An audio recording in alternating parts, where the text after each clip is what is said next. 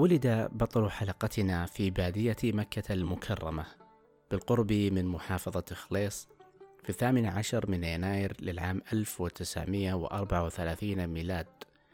والتحق بالجيش السعودي شابا وتحديدا ضمن اللواء السعودي الحادي عشر الذي أرسل تعزيزا للجيش الأردني أثناء العدوان الثلاثي على قناة السويس وهو برتبة وكيل ضابط في عام 1956 ميلادية ومع أجواء الحرب والضبابية المخيمة على المنطقة في تلك الفترة استفاد بطلنا من تواجده في الأردن فعمل على دراسة الصحافة حتى حصل على دبلوم الصحافة من معهد دار عمان العالمي بالإضافة إلى حصوله على ثلاث دورات عسكرية في الجيش الأردني.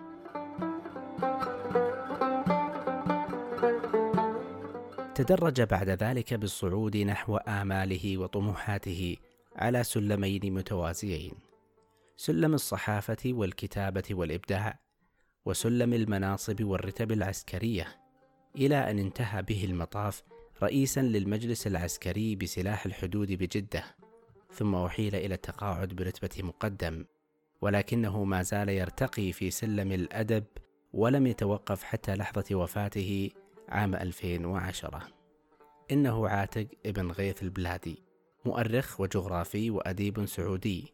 بلغت مجموع مؤلفاته أكثر من 42 كتاب تنوعت بين الجغرافيا والتاريخ والأدب والأنساب.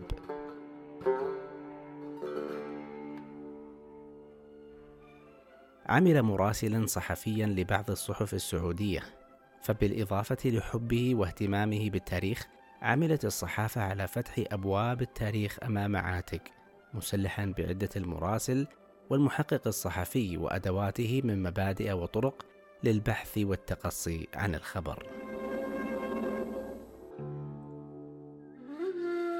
كتب معجم معالم الحجاز من تسع مجلدات تتبع فيها الآثار الحديثة والجبال والأودية والقلاع والطرق التي وردت في تاريخ الحجاز وكأنه عمل تفصيلي مكتوب على شكل أحرف هجائية لصور من ماضي الحجاز وكأنك تشاهدها مصورة في مخيلتك أثناء فعل القراءة للمعجم. وتتبع كذلك وبشكل خاص المعالم الجغرافية للسيرة النبوية ووضعها في كتاب مستقل. كان أكبر من أن تحده منطقة الحجاز. فأخذ يجوب دروب الجزيرة العربية من شمال العراق وصولا لجنوب اليمن. ولا عجب إذ كان والده معروفا بقص الأثر ونقد الشعر كذلك. وقد تكون هذه أحد أهم الأسباب التي طوعته للاهتمام بالتاريخ وقص أثر السيرة النبوية بالحجاز.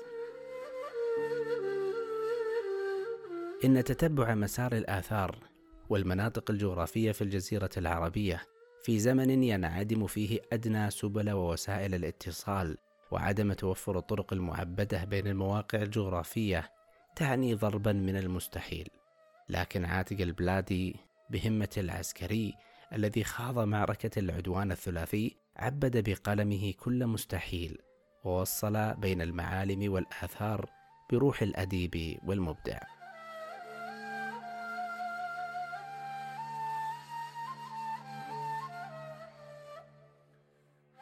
ولأن عاتق البلادي ابن للبادية ولد وعاش فيها وأمضى فيها طفولته وشبابه فقد عبر كتابه أخلاق البدو عن سجايا وأخلاق أهل البادية.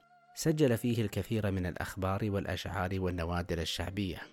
وكان المقصود بالعنوان أخلاق البدو العادات والتقاليد والمثل والقيم السائدة في البادية على وجه العموم لا سيما في الحجاز ونجد وكافة أقاليم وبوادي الجزيرة العربية ومن ذلك كرم أهل البوادي وشجاعتهم مع ما عرفوا به من الغيرة وحفظ الأمانات والتحلي بكريم الأخلاق والآداب والمروءات ناهيك عن التعاون فيما بينهم لتحقيق كريم الأحساب وحفظ شرف الأنساب وإغاثة اللهفان والتعفف عن الدنايا وحفظ الجوار والغيرة على الوطن والأرض والوفاء بالعهد.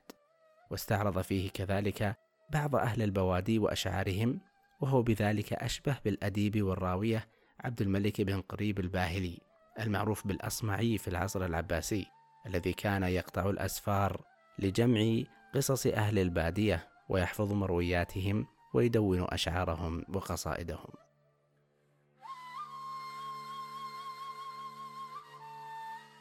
أسس في عام 1399 للهجرة دار مكة للنشر والطباعة والتوزيع وسعيا منه للتواصل الاجتماعي عقد إثنينية أسبوعية في داره في حي ساحة إسلام بمكة المكرمة يستقبل فيها العديد من الباحثين والمهتمين بجانب الآثار والشؤون الاجتماعية.